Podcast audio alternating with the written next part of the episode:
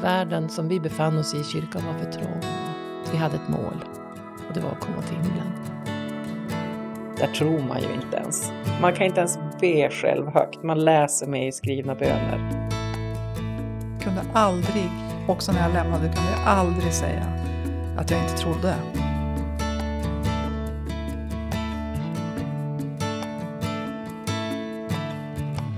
Hej och välkommen till en samtalspodd från Svenska kyrkan i Umeå Lena Fageus och gäster.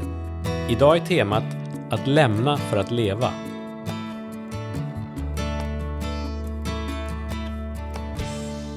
Varmt välkomna till vår, vårt poddsamtal. Tack. Ni, vi kan väl göra en sån där? Ja, men, Ja, vem är Mm. du? jag är... Oj, vilken stor Nej, men du kan bara Ja. säga ditt namn. Emma. Emma Örnberg jobbar, som, jobbar i Ålheden församling med ungdomar och musik. Det är väl... Det är väl bra. Lisa L Lundqvist heter jag. Jobbar som präst i Ålidhems församling här i Umeå. Och Lena Fageus är jag. Och välkommen också du som lyssnar. Vi brukar ju börja våra samtal med att tända ljuset som en slags bild för Guds närvaro eller bara närvaron för oss.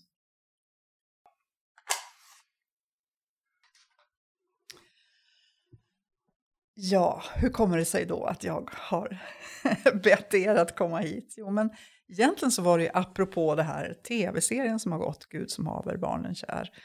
Och det är ju ganska många av oss som arbetar i Svenska kyrkan i Umeå som också har en bakgrund i frikyrkan. Så det var liksom, ja men hur ska man tänka kring de där frågorna? Att lämna för att leva kallar vi det här avsnittet. Ja, och alla tre har vi lämnat. Men eh, Lisa, jag tror att du ska få börja berätta. Mm. Din, berätt, liksom, ja, men, Min berättelse. din berättelse. Mm. Inte hela. Nej, nej, jag ska ta utvalda delar. Försöka hålla det kort. Men jag växte upp i en liten pingsförsamling i Västerbottens inland. Bland varma, glada, troende människor. Vi kände varandra det var ju en väldigt, väldigt trygg, eh, en trygg plats att vara på. Självklar plats. Jag var också tredje generationens pingstvän. Vilket skapade vissa förväntningar har jag tänkt på i efterhand. Alltså vägen var liksom utstakad. På något sätt för mig. Eller så uppfattade jag det nog. Det var ju inget man ifrågasatte att följa med till kyrkan.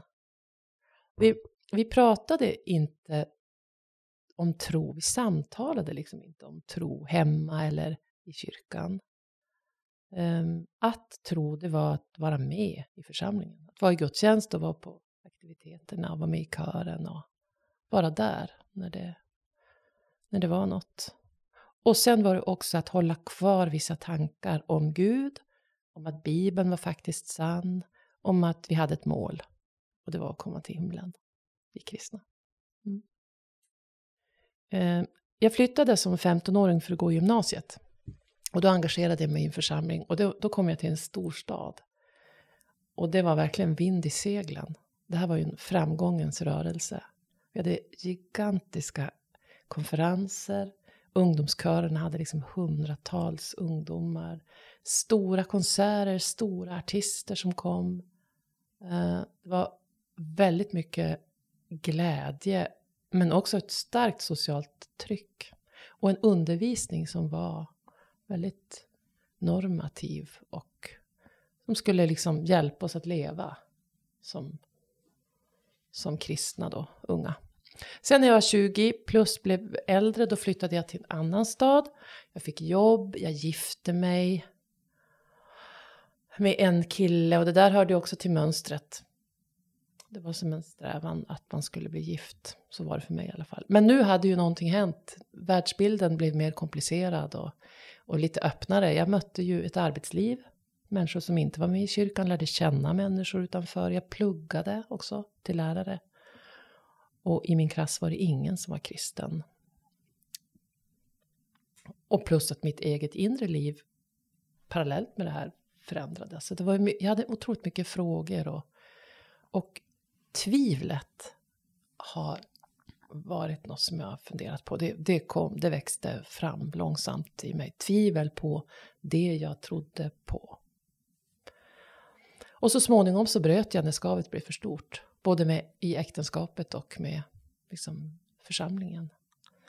Det, det blev för svårt för mig. Eh, jag mådde inte bra helt enkelt. Världen som vi befann oss i, kyrkan var för trång. Och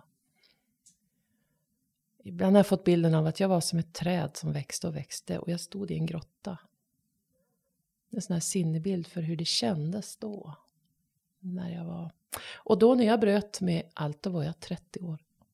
Så jag var ju egentligen, började bli medelålders. Så det var ju en väldigt sen, ett sent bryt. Men jag tänker att där föddes jag på nytt.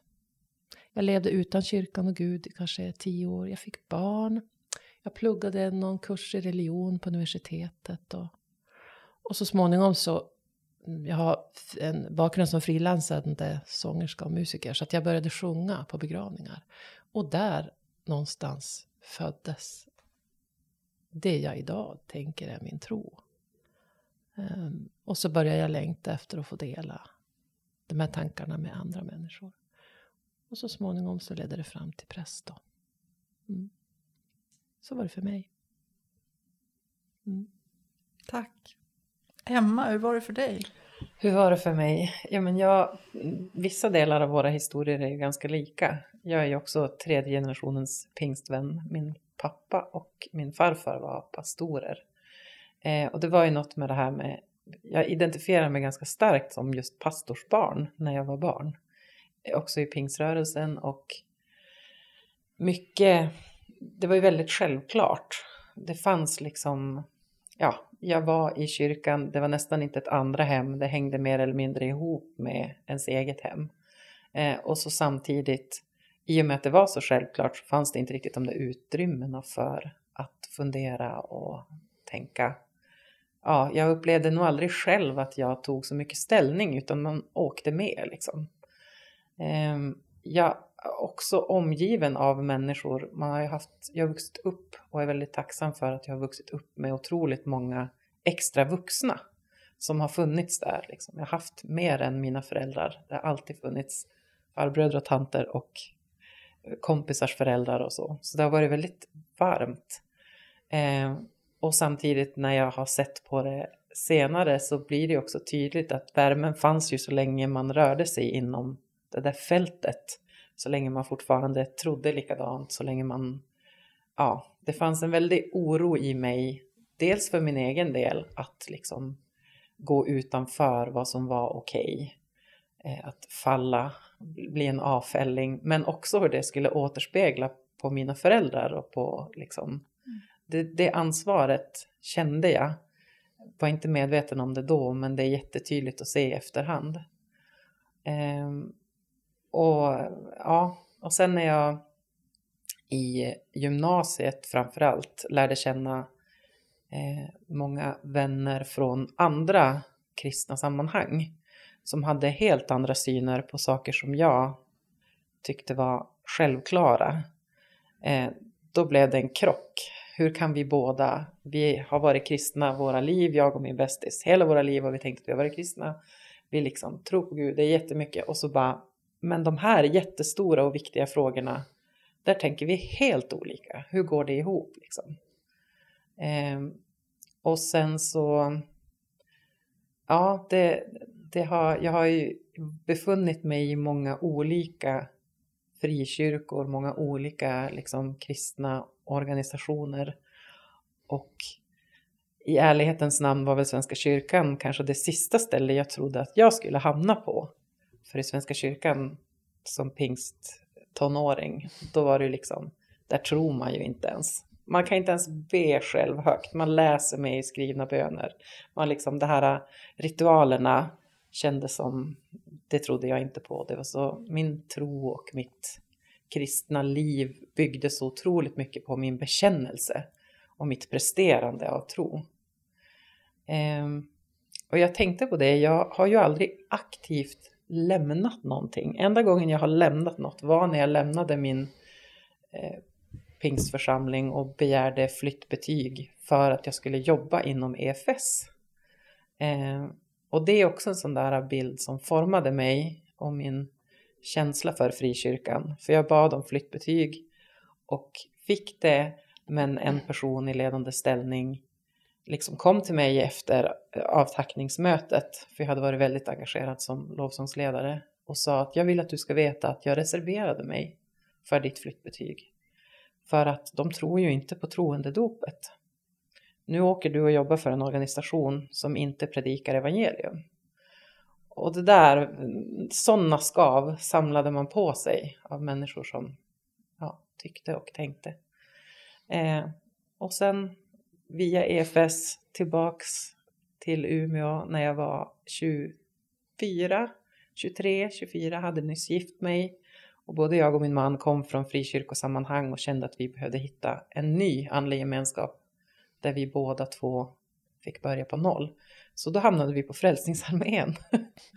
eh, och eh, sen efter några år så blev jag erbjuden att söka en, ett VIK på Ålidhem och ja, som ungdomspedagog och där blev jag kvar. Eh, ja, och jag är ju kvar. Men eh, Men är det också ditt andliga hem? Ja, det är svårt. Jag har, alltså, jag har delvis Frälsningsarmén, liksom gemenskapen och vännerna och de som jag har delat mycket med där och jag blev förälder under den tiden och så. Men jag skulle nog säga att mitt, där jag utövar min andlighet, liksom förutom den som ständigt pågår, så är ju det Ålidhems församling och mm. allt från när jag leder gospelkören till när man får svåra frågor av konfirmanderna. Det är mitt liv så nu. Mm. Hur var det för dig, Lena?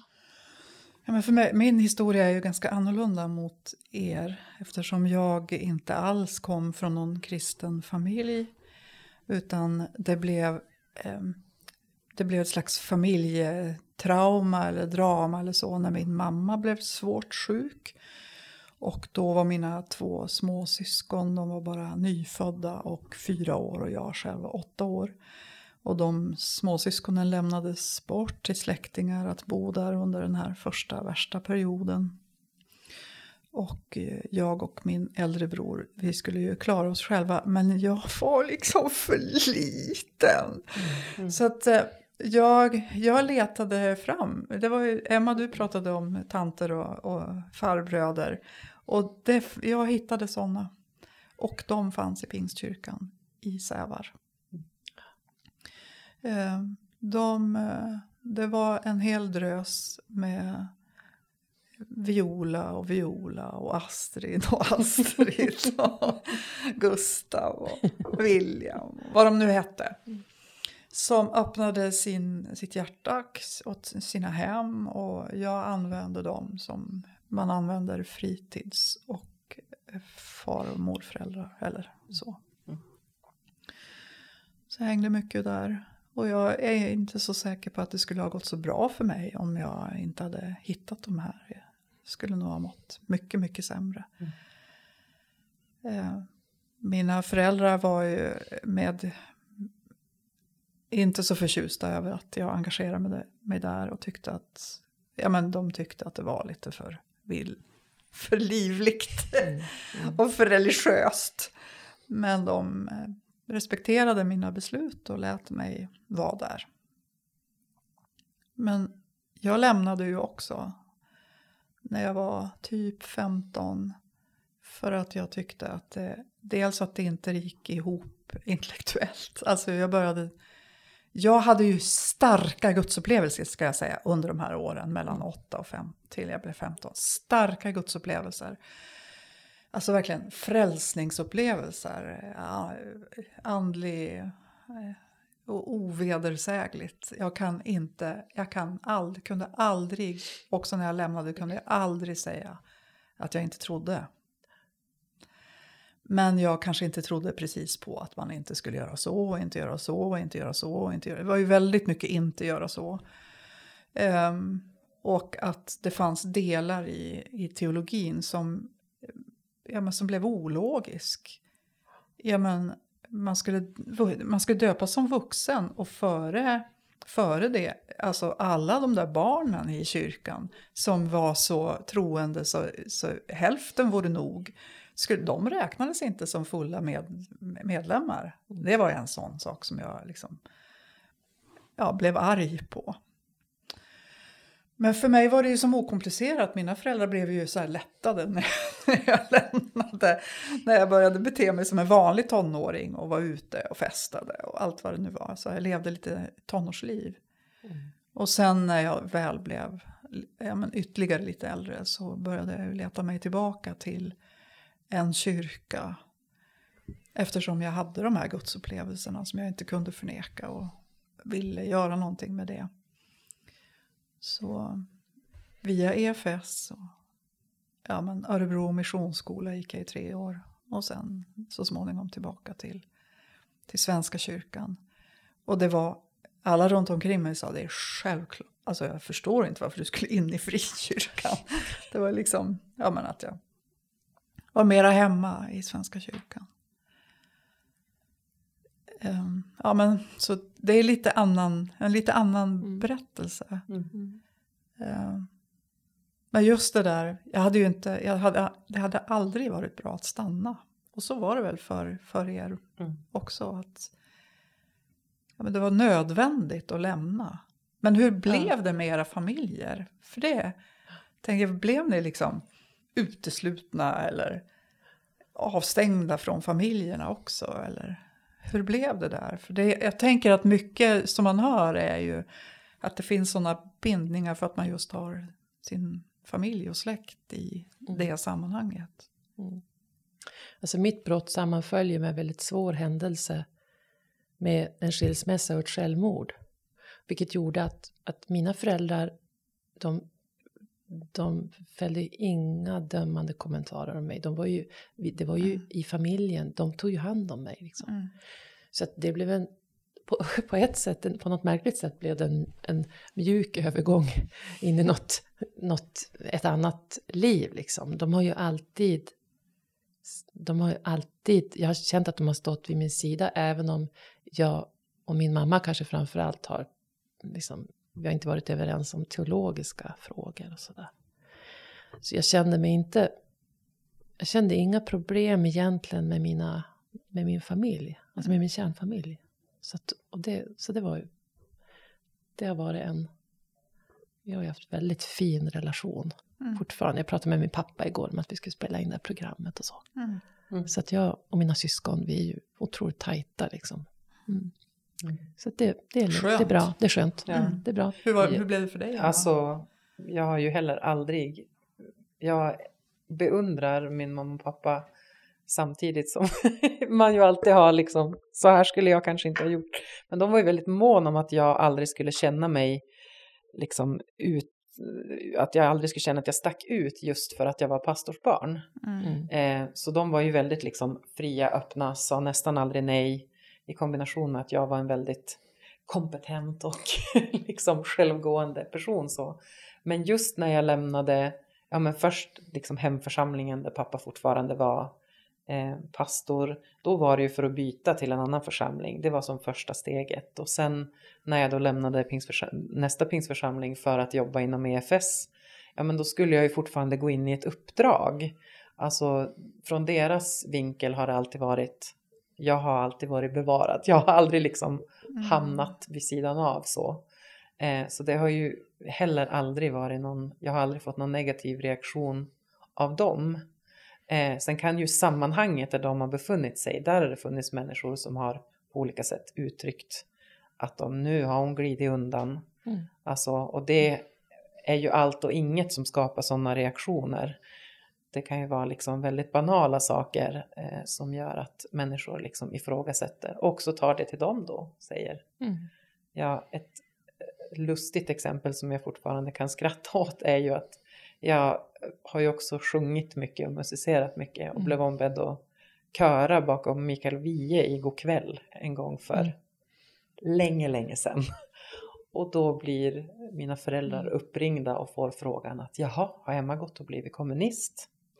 Hur går det här ihop med eran? Alltså, mm. Mm. Och just tog det till kyrkosammanhanget och min tro ifrågasatte är jag kvar på den rätta vägen för att jag körar bakom en. Alltså det, det blir liksom, ja, det, det är svårt att inte dra på munnen nu, men då var det ju jättejobbigt. Mm. Um, så att, men mina föräldrar där har jag alltid känt en otrolig liksom, stöttning och, och eh, också en trygghet att, att ha föräldrar som, de har ju också vuxit upp i de här sammanhangen och kan känna igen sig nu när vi har blivit vuxna, eller när jag är vuxen och man kan dela mm. upplevelser så.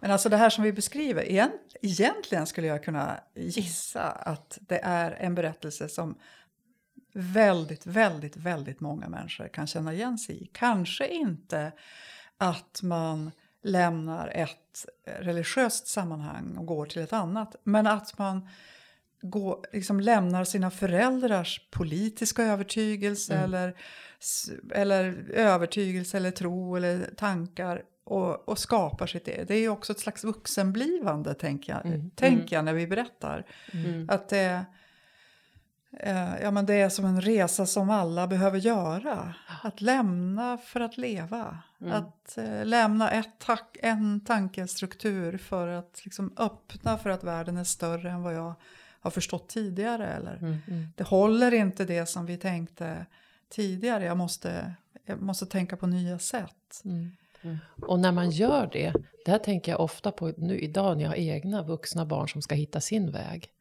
När, när vi gör det, väljer ett, ett annat, en annan tankeram eller ett annat tankegods eller en annan väg. Då, då är det lätt att känna sig hotad av det eller kritiserad när man står mm. kvar. Så när mina barn väljer ett annat sätt att tänka än jag, hur, hur känns det i mig? Liksom? Mm. Är, är det lugnt? Kan jag känna mig... Ja, så att, så att jag, jag, kan för, alltså, jag kan idag förstå att man kan känna så som mm. vuxen mm. när ens barn väljer en annan väg. Mm. Och, och i vårat fall så handlar det ju om liv och död faktiskt. Mm. mm. Alltså, det var ju människor som, som uppriktigt kände att nu går våra barn går förlorade. Alltså jag, mm. Det fanns ju föräldrar i min barndom, eller hel, hela kontexten som, som bad församlingen att be för sina barn. Mm. För de var så rädda att de skulle gå förlorade. Mm. Så det var ju också på liv och död. Det var på liv och död. Så, så det är klart att det fanns reaktioner. Mm. Mm. Vi ska trycka på pausknappen. Men jag undrar Lisa om du har någon dikt som du vill avrunda den här första delen av vårt samtal med? Det har jag. För du har ju kommit ut med en bok som vi kan berätta om. Och den heter Jag är äntligen här. Och finns utgiven på? Ordfirmans förlag. Mm. Då läser jag Vad jag vet. Någon sa att du är självklar. Någon sa att du är trygghet, men trygghet är en hägring. Det är vad jag vet. Du rubbar mina grunder. Du vänder svar till fråga. Du är ett skav, en oro, en envis liten låga. Och allt jag trott mig veta kan motbevisas av dig och allt jag trott mig äga kan du snabbt ta ifrån mig. Du rör mitt hela väsen, strör sprickor i min trygghet. Där växer bara längtan. Det är vad jag vet. Tack för nu. Du har hört Angeläget, en podd med Lena Fageus och gäster. Podden är producerad av Svenska kyrkan i Umeå. Vill du fortsätta samtalet når du oss på Svenska kyrkan i Umeås Facebook eller via e-post till umia.kommunikation svenskakyrkan.se. Tack för att du lyssnade.